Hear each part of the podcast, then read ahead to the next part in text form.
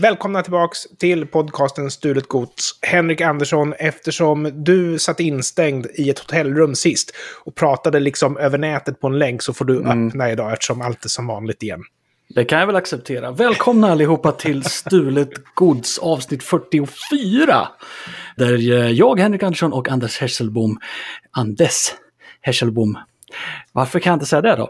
Anders Hesselbom eh, lyssnar på påstådda låtstölder och sen så avgör vi med vår oändliga visdom huruvida det faktiskt är en låtstöld eller om det helt enkelt inte är så. Om det är felaktigt eller om det mm, kanske är godkänt ändå på vissa sätt. Vi har ju, vi har ju tangerat, vi har ju haft mycket sådana här konstiga domslut emellanåt där vi eh, godkänner saker som faktiskt egentligen inte riktigt borde godkännas, men bara för att vi vill.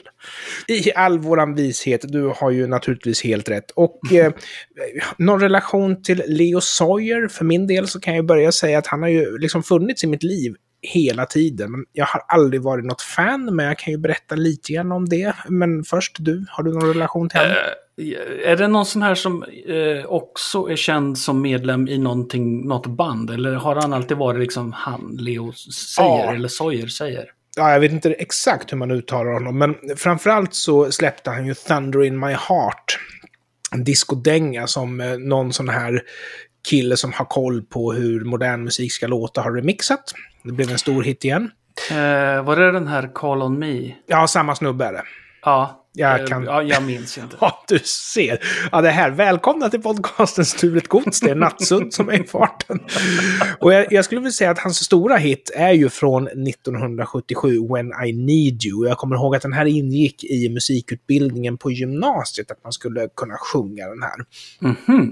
Men eh, om jag ska säga någonting om honom, lite tunn röst, men han kan trycka.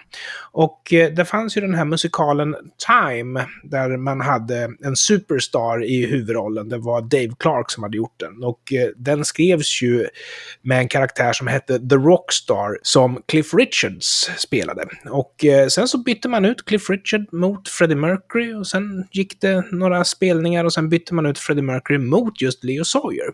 Och eh, faktum är, det många inte vet om både Leo Sawyer och om Cliff Richard, det är att de är grymma rocksångare. De är smörsångare, men de kan trycka precis på samma sätt som Paul McCartney. Vi Ja. han är smörsångare, men han kan trycka när det behövs. Liksom. Mm.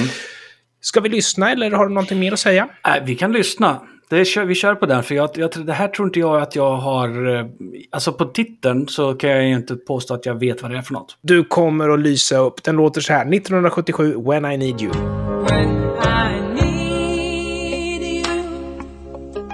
Just close my eyes and I'm with you. And all that I so wanna give you, it's only a heartbeat away. Och han ger ju inte ifrån sig här en känsla av att han ens kan sjunga rock, men det kan han också. Jag visste ju att du hade hört den här, Henrik. Ja, ja, ja givetvis. Det där eh, en, en sån här gammal goding. Men också en goding av den här typen man inte riktigt vet vem som har gjort. En skiva med Leonard Cohen som jag inte äger, det är den som låten Famous Blow Raincoat är ifrån. Jag är ju svag för hans 80-talsgrejer, men har lite dåligt koll på resten. När vi har färskt i huvudet, Leonard Cohen, Famous Blow Raincoat 1971 låter så här. Well, I see you there with a rose in your teeth. One more thin gypsy thief. Well, I see James away. Ja, alltså först innan vi går in på själva dombeslutet här. Tidigare eller Leonard Cohen har inte jag heller någon koll på. Utan det är liksom när han gjorde I'm, your man. och... Det var, det var ju där jag överhuvudtaget hörde Leonard Cohen Ja. första gången. Och sen har, gjorde han ju en skiva som heter The Future om jag inte minns helt fel Mm. i början av 90-talet. Och sen så hans sista skiva, jag tror det öppningsspåret på den sista skivan han släppte heter You Want It Darker. Ja, just det. Just det. Och där har han ju en enormt mörk röst. Den är underbar. Det bara skallrar i rutorna när man kör den låten. Ja, skivan innan han gjorde eh, med den här Hallelujah, den här, den har Mm. jag ju också. Och sen så älskade jag ju hans eh, Live in London, den tycker jag var fantastisk. Mm. Om, men nu om vi ska kritisera det här, jag är ju beredd att försvara Leo Sawyer här, ska jag faktiskt säga. Därför att den börjar nästan med samma text och den börjar med samma melodi. Sen blir det Mm. annorlunda ackord och melodin glider isär. Men här är ju den här frågan om att det som är gemensamt, det går inte att ha hört den ena utan att ha tänkt på den andra. Men Anledningen till att det glider isär är för att Leo Sayer gör en, eh, en kärlekssång ja, medan Leonard Cohen är en poet ja, och därför behöver gå lite andra vägar. Men, men, men som du säger, det är omöjligt att, att When I Need You existerar utan att Famous Blue Raincoat existerar. och det har du rätt i, så jag backar. Jag kommer nog säga att eh, Leo Sawyer lyssnade på Leonard Cohen och snodde det här, den här delen. Sen erkänner jag att de glider isär även harmoniskt och sånt där. Men jag säger nog att jag fäller Leo Sawyer. Eh, För mig är det ju glasklart. Det här är ju eh, stöld och eh, repurposing ska vi väl säga. Ja. Ehm, och eh, i vanliga fall så brukar vi ju ge lite slapp lina till folk som eh, åtminstone omarbetar och gör någonting nytt av det de stjäl. Ja. Eh, Leo säger har i det här fallet egentligen bara snuttifierat det. Eh, Ja. Och det är, det är inte godkänt. Det är inte det. Nej, det är inte jag, godkänt. Jag fäller.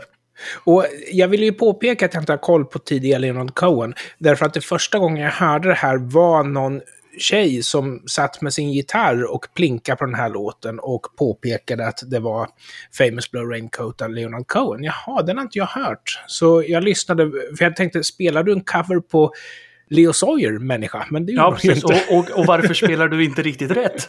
Ja, precis. Och varför spelar du lite fel? Så det här var en grej som jag liksom snubblade över sedan vi pratade sist. Och en annan grej som jag också har snubblat över lite grann. Det var... Vi börjar ju alltid med att spela den låt som påstås vara stulen och sen så avgör jag. Och det här var en sån här låt, alltså Phil Collins har jag ju väldigt blandade känslor till. För å ena Mm. sidan, jag älskar Genesis. Alltså allt de gjorde från starten fram till åtminstone runt 90. Den låtskatten som han har skrivit är ju, är ju fenomenal. Men Mm. några gånger har jag irriterat mig på att det är för likt annat. Jag tror att vi har pratat om det faktiskt. Hade vi Äh. inte... Nej, strunt samma. Det är möjligt, men uh, Phil Collins, alltså det går ju absolut inte. Ingen kan ju förneka talangen. Det, Nej. det, det finns inte, det går inte. Han har spelat trummor i ett progressiv rockband, han har varit smörsångare, han har spelat rock'n'roll, han har gjort allt. Och han har Mm. gjort det väldigt bra vad han än har gjort liksom. Och på 80-talet så hade han ju en hel sträng med hits eh, med sin coverskiva. Mm. Ja, han gjorde det. covers på, på 60-talslåtar. och Diana lite Ross och där. Lite så här. Ja, precis. Ja, Two Hearts och, och, och alla olika låtar det nu var. Mm. Så därför så känner jag ju så här att jag kanske inte är jätteförvånad om man snor någonting eller riffar på någonting. Men jag är lite förvånad över att han skulle behöva göra det. Nej, jag tror inte han behöver göra det. Jag tror han skulle klara sig galant ändå. Eftersom mycket av den musik som han har skrivit som uppenbarligen inte låtstölder är fantastiskt bra. Mm. Det här är faktiskt ett uppdrag från Walt Disney. Att skriva musiken till en Tarzan-film 1999 och låten heter You'll be in my heart. Den låter så här. Cause you'll be in my heart. Yes,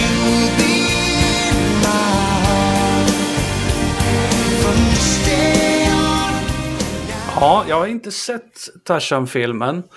Den är Eh, rätt bra.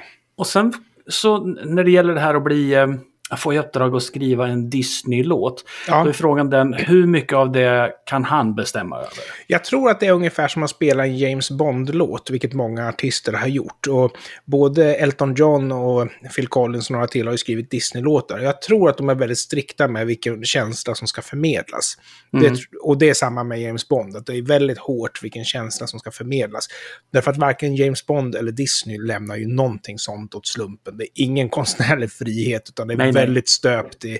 Ja, filmen är bra. Jag hade ju småbarn i slutet på 90-talet, så det här passade mig alldeles utmärkt. Jag hade hyfsat roligt. Du, du vet det här när man flörtar med vuxenpubliken, att man Mm. gör en film för barn, men man ska göra så att det inte blir alldeles för tråkigt för den vuxna att titta på Nej, precis. också. Sen, sen eh, av en slump, så jag tog över lite skivor ifrån dig. Mm. Och en av de som jag tog över var Chips. Och det här är en låt från deras, jag tror det kan ha varit andra skiva, skriven av Kikki Danielsson. Och eh, Jag är förvånad heter... över att Chips överhuvudtaget gjorde en andra skiva. Hur, Ja. hur gick det till? Ja, men grejen var den att jag tror att det var på andra skivan som Dag efter dag var med på, förstår du? Aha! Ja, jag tror det. Att de var nog lite grann ett band när de faktiskt uppträdde på Melodifestivalen. Det är man inte så van med, för man tror att de är inslängda liksom sådär. Hmm, Men ja, jag, jag tror okej. det. Så Kikki har skrivit låten. Året är 1982, alltså väsentligt mycket tidigare än Tarzan-filmen. Låten heter Our Love Is Over och låter så här.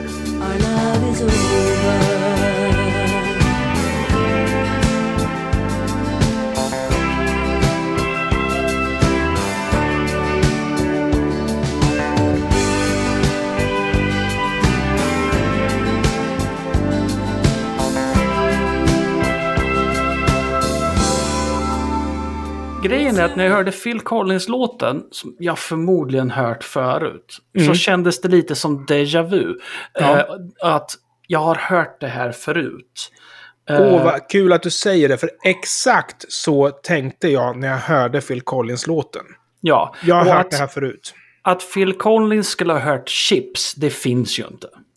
Eller så finns det. det där? Därför att hade jag varit Phil Collins, då hade jag köpt väldigt mycket musik och lyssnat på väldigt mycket musik. Och jag skulle välja obskyr musik. Du kommer ihåg när de, eh, vad heter de, eh, Tommy Nilssons band fick en låt stul, stulen ifrån, ja, vilka det nu var, Sleaze-rockarna. där. Ah, jag ber, Ja, det här ja. är så typiskt stulet gods att vi har massa referenser, men vi har inte förberett vilka namn vi ska säga. Nej, jag nej. tror att han har lyssnat på det här. Därför att det här är några skillnader i vilka ackord man har valt. Men i Mm. övrigt så är det ju under hela frasen så är det ju 17 gemensamt. Förutom att de har valt att färga ackorden lite annorlunda. För mig känns det ju eh, svårt alltså att, att, att tänka mig att han skulle ha hört den här skivan.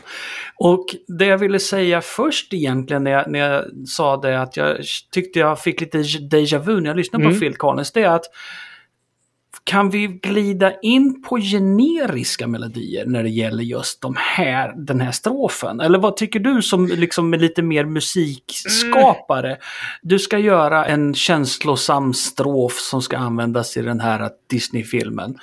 Är det, alltså vissa tonföljder eller ackordföljder, notföljder eh, ger ju vissa typer av känslor. Ja. Är det en, finns det någon standard i det här eller är det mer originellt än jag tänker mig? Alltså, jag måste säga att det finns en standard och svaret är väldigt lite ja när det gäller Leonard Cohen-låten. Och ytterligare lite mindre ja när det gäller den här låten. Men svaret är faktiskt fortfarande ja, det är en möjlighet. Att du och jag får en déjà vu-upplevelse kan ju bero på Alltså det vanliga skälet till, till att man har déjà vu är ju att hjärnan helt enkelt bara missuppfattar någonting. Men det kan ju också vara som så att den här låg ju förmodligen på Svensktoppen och vi hade ju förmodligen radion på hemma när vi var små. Liksom. Så Ja. vi har ju förmodligen blivit indoktrinerade av den här låten och sen så hör vi, hör vi Tarzan-soundtracket så hmm, det här låter bekant. Så. Men du är skeptisk till att Phil Collins lyssnar på Chips. Jag tänker ju inte säga att det här inte är likt, för det är det ju. Den diskussionen finns inte. alltså jag måste ju fälla honom bara på regel, regelverket säger att jag fäller honom. Ja, Är det med flit? Har han lyssnat på Chips? I don't know. Är det samma sak? Ja. Och bara för att jag skulle vilja fälla Phil Collins bara för att? Ja. Så jag fäller på det här, det gör jag. Och, och om, om, Ja. om man ska tro på din eh, uttänkta storyline att han skulle ha köpt obskyr musik för att lyssna på. Eh, ja, men visst, då kan det ju ha hänt. Ja, nej, jag fäller ju naturligtvis också. Med större trygghet än jag fäller eh, Leo Sawyer, ska jag säga. Mm. Men alltså, vi hade ju ett exempel på, det var ju någon av lyssnarna som kritiserade att vi var dåligt pålästa när det visade sig att det var en klassisk låt som lät som den här Joe Satriani-låten som också lät, om det var Green Day eller vilka det var. Liksom, Ja, ja. Joe Satriani skulle ju också i så fall ha stulit därför att det är möjligt för två personer att skriva samma låt. Det är möjligt att göra det. Men Mm. jag tycker ju här, jag fäller. Jag medger tydlighet. gärna att jag, att jag kan vara dåligt påläst. Det här är ju bara sådana saker som har fastnat i huvudet på en under Exakt. årens gång. Jag Ja. har ju inte studerat musik. Det Nej, kan jag och- ju inte påstå. Nej, och jag måste ju säga att eh, det som driver mig här, det är ju att jag hör ibland en låt i det sammanhanget som jag tycker låter som en annan låt. Och vi, har ju, vi är ju självutnämnda experter, eller inte ens Ja, ja. experter, utan domare. Utan vi låter ju publiken naturligtvis tycka och tänka, och de skickar ju in saker som ibland är liksom så här, ah, halvt som halvt. Jag kan säga att Peter Johansson har en låt som jag inte är helt säker på att jag ska eh, ta med, men däremot så kan jag nämna på kul att vi har en hel del tips som har kommit in från Johan Lantz. Och eftersom ABBA nyss har släppt en ny skiva så kan vi på kul bara avhandla en grej som han har skickat in. Men vi ska ta lite riktiga låtstölder som Johan Lantz har skickat in senare. Det här är från år 2021, alltså från ABBAs nya skiva Keep an Eye on Dan. Den låter så här.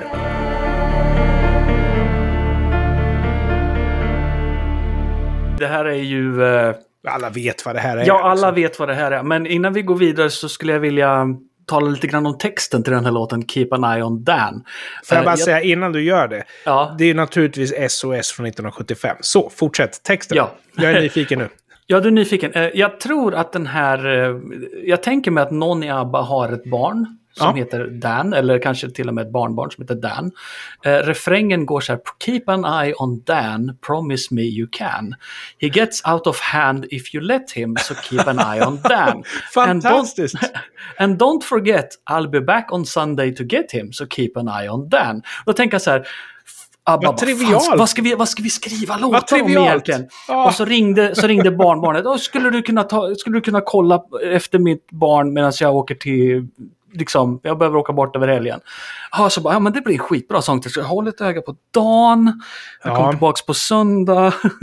ABBA har ju haft, alltså de berör ju ganska svåra ämnen i sina texter, men de har ju aldrig varit stor textkonst, utan de har ju varit på engelska ska jag säga, för de har nog varit ganska stor textkonst på svenska, men på engelska har texten mest varit det som passar. Där är det ju det musikaliska som är, är stort, men när det gäller text så är de duktiga på svenska också. Men då har de ju också, när de har gjort musikaler, så här, tagit hjälp av Tim Rice. Och, jag menar, Tim Rice som var med och skrev Barcelona åt Freddie Mercury, så Mm. han är ju inte tappad bakom en vagn. Liksom. Men framförallt så är de ju musikaliskt stora. Liksom. Vi, Vi får kan väl... köra den här snutten också från SOS. Ja, jag tänkte eh, precis säga det. Vi får ta det också. Så. Så får vi alla... ja, Jag menar, känner du inte till SOS med ABBA? Jag menar, det, det, det, det, det kan ha hänt. Så, så då kanske du tänker, vad pratar de om egentligen? Men det var den där lilla pianosnutten vi just hörde och så lyssnar ni på SOS här.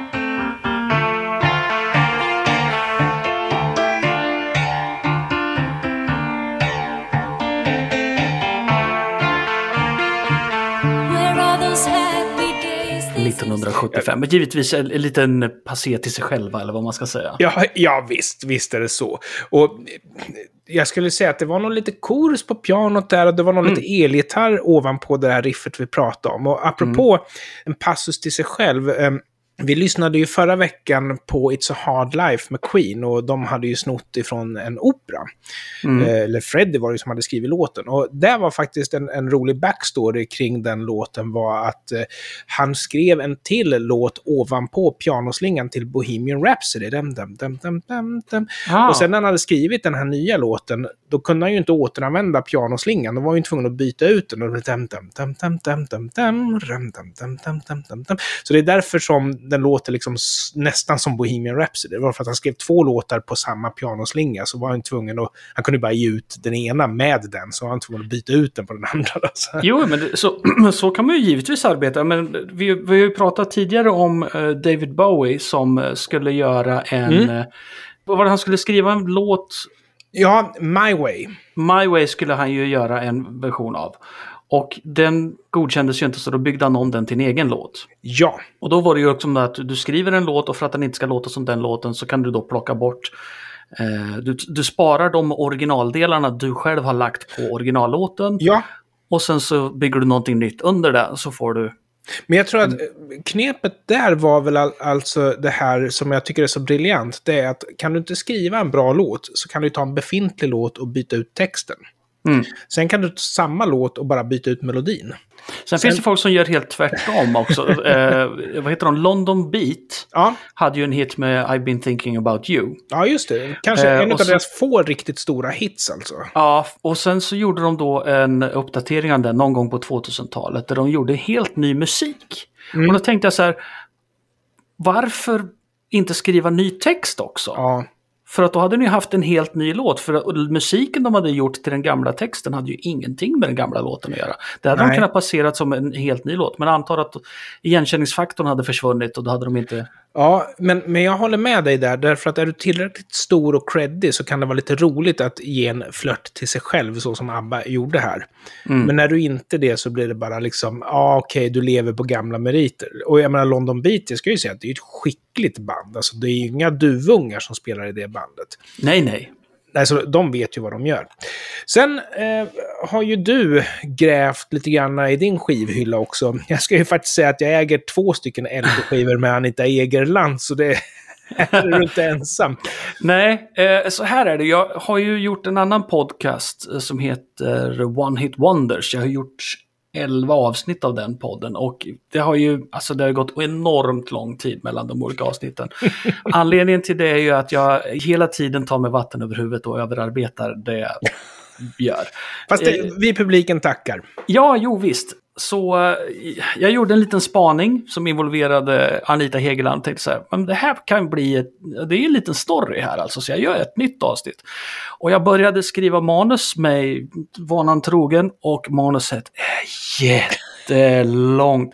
Och jag bara, nej, jag kommer inte, alltså det här kommer vara för mycket arbete, jag kommer sitta i veckor och skriva ett manus, jag kommer spela in det i tusen timmar, så ska jag redigera in musiken och grejer. Jag bara, nej, den här tar vi lite snabbt på stulet gods istället. Ska vi börja med att lyssna på låten, eller? ja, i juni 1970 så släppte Anita Hegerland låten Mitt sommarlov som låg etta på Svensktoppen i 11 veckor. Den lät så här. Mitt sommarlov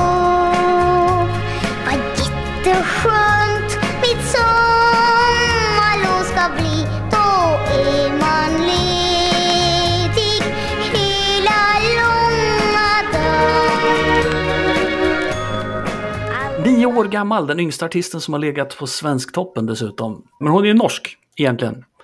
Och hon upptäcktes som eh, sjuåring när hon sjöng på torget hemma i, i Sandefjord. Ja, du har säkert hört Jag ska måla hela världen, lilla mamma, liksom. Hon har gjort en hel del eh, Mm. grejer. Och hon fick en stor hit med den här och den har, lever hon ju på än idag. Hon har ju haft jättestora framgångar även i Tyskland på tyska. Även gjort musik med Mike Oldfield. Man skulle kunna prata jättemycket om henne och det var just därför liksom hela det här, mitt program bara gick i stöpet för det var för, Det var för mycket, säga. Eh, Men så var det så här att eh, jag och min eh, kära sambo var ute och körde bil som vi gör och så lyssnade vi på P4 Plus. Det är en fantastisk kanal. Och sen så var det någon gammal svensk sång. Och så tänkte jag, fan, den här melodin är väldigt bekant. Vad är det med den här melodin? Sen efter ett tag så slog det mig att, vänta nu här, det här är ju samma melodi som mitt sommarlov. Och det var nämligen Ray Adams som sjöng sången Farväl till Mexiko 1965, alltså fem år tidigare. Den låter så här. I många år jag plöjde världens hav som ung matros tills dess en dag mot Mexiko vi vände skeppets nos Lite annan rytm där, men det är klart det är en annan text. Så. Ja, intressant nog är Ray Adams även han norrman. Ja, det är konstigt alltså. Och vi hade ju den här Natt i Moskva på tal tidigare. Norrman Jan Höjland eller något sånt där tror jag han hette. Alltså, norrmännen, när de väl får till det så blir det bra liksom. Mm. Så jag tänkte så här, wow, det här kan jag göra ett avsnitt av. Så jag satte mig ner och så började jag googla på den här låten. Ja, Det man skulle jag inte ha gjort. Nej, det är ett kaninhål kan jag säga. Det visar sig att låten är inte varken svensk eller norsk. Den är mexikansk. Den skrevs, håll i er nu, 1862 Ja! av mexikanen Narciso Serradey Sevilla. som var läkare och kompositör. Eh, och han blev, eh, det, det var så stora eh, utsvävningar här med fransmän och mexikaner och alltihop. Han blev skepp, skeppad till Frankrike för det var någon slags Någonting hände, vi skiter i det.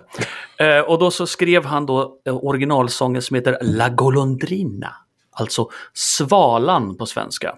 Den handlar Eh. inte om Mexiko, utan han var från Mexiko. utan det här är alltså då en, ehm, vad ska man jämföra den med? Det är mexikanernas sång om att de har blivit bortförda från Mexiko till Frankrike Mm. helt enkelt. Och den inspirerades, texten inspirerades av en arabisk dikt som man hittade i en tidning som hade använts som packningsmaterial. Och den, den arabiska dikten, nu ska du höra, den arabiska dikten skrevs på 1500-talet. Åh herrejösses, så den här låten... Jag ska avslöja för våra lyssnare redan nu att den- den äldsta kända inspelningen kommer ni att få höra. Den är garanterat inte från 1800-talet, men nu har vi alltså anor tillbaka till 1500-talet när vi tittar på texten till musiken. Som sen ledde till att en nioåring i Norge sjöng Midsommarlov. På svenska dessutom! Och, och anledningen till att norska artister gärna sjunger på svenska, det var för att eh, Sverige på den tiden var ett dubbelt så stort land och eh, det var mer amerikaniserat. Norrmännen älskade Amerika, men de hade liksom också den här järnridån som de kämpade mot, precis som vi har pratat om i vår YouTube-kanal Flimmer Flera gånger om att staten bestämde, punkt slut. Och det problemet var jättestort i Norge, men skillnaden var att Norge, de älskade anglosaxisk kultur betydligt mycket mer än vad vi gjorde. Mm. Och då kan man ju då titta tillbaka lite snabbt på Ray Adams låt som då heter Farväl till Mexiko. Den sångtexten har ju mycket mer gemensamt med den originaltexten som skrevs. Men sen har ju den här även översatts till engelska och spanska och, eh, eller ja, den är inte översatts till spanska för den var spansk från början. Den har spelats in på spanska av bland annat Nat King Cole, Placido Domingo, Nana Mouskouri, Oj. Eh, Chet Atkins, en, en country countryartist, har spelat in en instrumental version. Sen på engelska så kallades den för She Wears My Ring och har förstås ingenting heller med Mexiko att göra. Spelats in av bland annat Roy Orbison och Elvis Presley. wow! Så den här är alltså Wow! många, många, många har gjort olika versioner av den här sången som vi nu ska äntligen få lyssna på originalet. Det här är Carlos Francisco från 1906 med La Golondrina.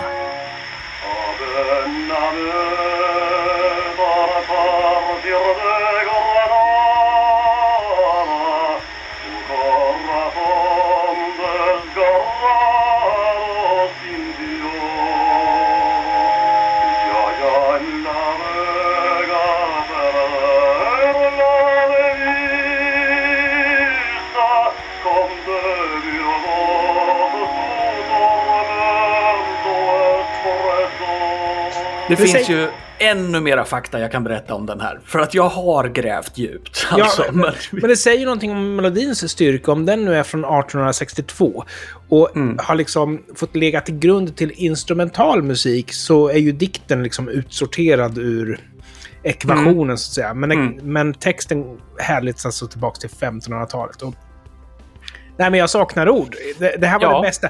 Och tänk om det skulle vara så att något skivbolag någonstans kunde hitta en ännu äldre inspelning. Men jag tror att när det här skivbolaget väl släppte sin version, då var väl den förbrukade det årtiondet antagligen.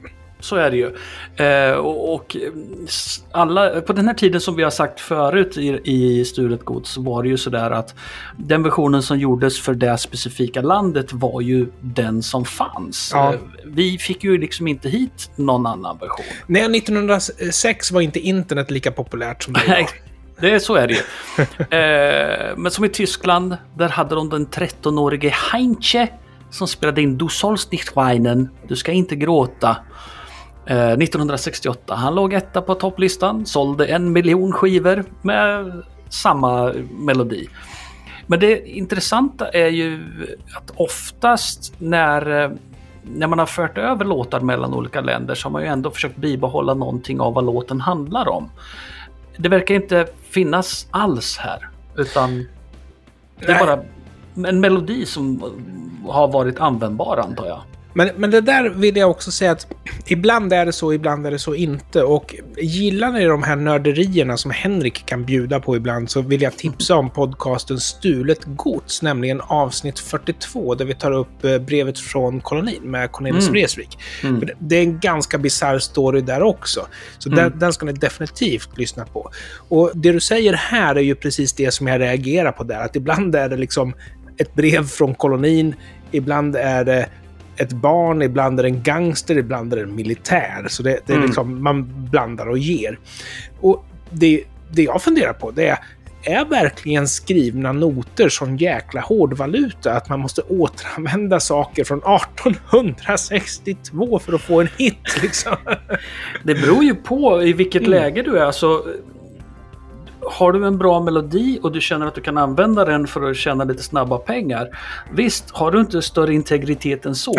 Eh, men- Eller så vill men- du bevara gammal, gammal kultur. Det kan ju vara så också. Det kan vara så. Men, men om vi ska komma till stulet gods, eh, liksom pudens kärna här, att lägga ett domslut.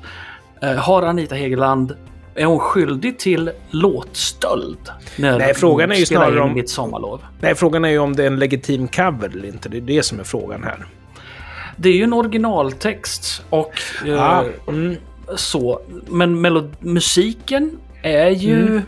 Den är ju putsad alltså. Ja, Jämför och- man med Farväl till Mexiko bara fem år tidigare. Nu har inte jag hört så många av de andra versionerna. Men melodin är ju betydligt mer putsad och eh, alltså framförandet är ju jättemycket mer putsat och finslipat. Ja, och det, det där förbryllar mig också i och med att man är beredd att ta gammal musik men man skriver om den så att den passar. Då, alltså, kan man verkligen skriva musik då? För i så fall skulle man ju skrivit en låt som var rätt från början. Men jag älskar ju den här kultur, liksom chocken, eller vad man ska säga, när man väl upptäcker vad som har hänt där. Mm. Eh, Så jag tycker att det här är en, det jag skulle säga en legitim cover. Jag tycker att de gjorde rätt. Samtidigt är ju Anita Hegeland inte en eh, artist som eh, har gjort det hon vill, utan hon är ju en skivbolagsprodukt. Det är ju en Absolut. gullig unge som skivbolaget ser att de kan tjäna pengar på. Hon är exploaterad. Och då skriver vi en gullig unge Mm. sångtext till den här melodin som vi har. Ja, ja, ja, visst. Ja, visst. Så jag kan ju inte, alltså det är klart det inte är Anita Hegelands eget fel. Nej, nej, Men- nej, nej, nej. Men jag säger ju ändå guilty. Ja, okej. Därför att cynismen egentligen som ligger bakom det ja, ja. gör ju att jag- jag vill peka finger på dem och säga så här. Nah, nu har ni visserligen gjort en kulturgärning här. så, det, så det är svårt, men det är ändå... Ah, jag vet inte. Men hon hade väl två stora hits och Jag ska måla hela världen lilla mamma är ju en betydligt mindre intressant historia. Så därför var det kul att du nämnde att du har researchat den här. För det, det här är ju liksom ett one-hit wonder egentligen. Hon hade förvisso två hits, men den här är ju störst. Och Hon hade flera hits i Norge. Hon var ju med i Melodifestivalen i, Ja, just det. fyra eller fem, eh, fyra gånger. Ja, och som du sa, hon har jobbat med 1971, Mike Ge mig en också. zebra. Bara låten, låttiteln, Ja. Ge mig en zebra.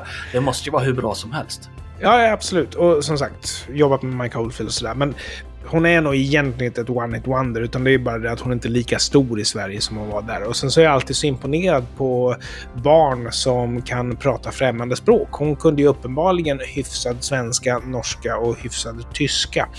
Och eh, jag vet när jag själv var liten och var i England så kunde jag träffa liksom folks ungar som var fem år och var bättre på engelska än vad jag var. Så hur kan Mm. du vara så bra på engelska? Jag som ändå har liksom, jag som ändå är tonåring. Så, ja, men jag är ju född här.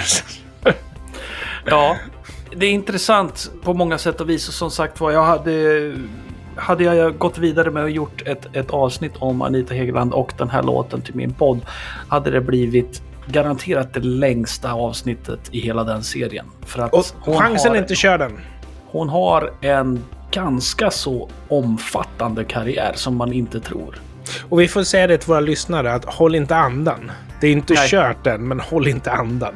Det, det kan dröja tio år innan Henrik släpper det där avsnittet om han ens gör Men det. prenumerera på RSS-feeden, man vet aldrig. Ja, absolut. Och prenumerera definitivt på vår YouTube-kanal Flimmer Duo. Och det är din YouTube-kanal, det är bara att jag är med där.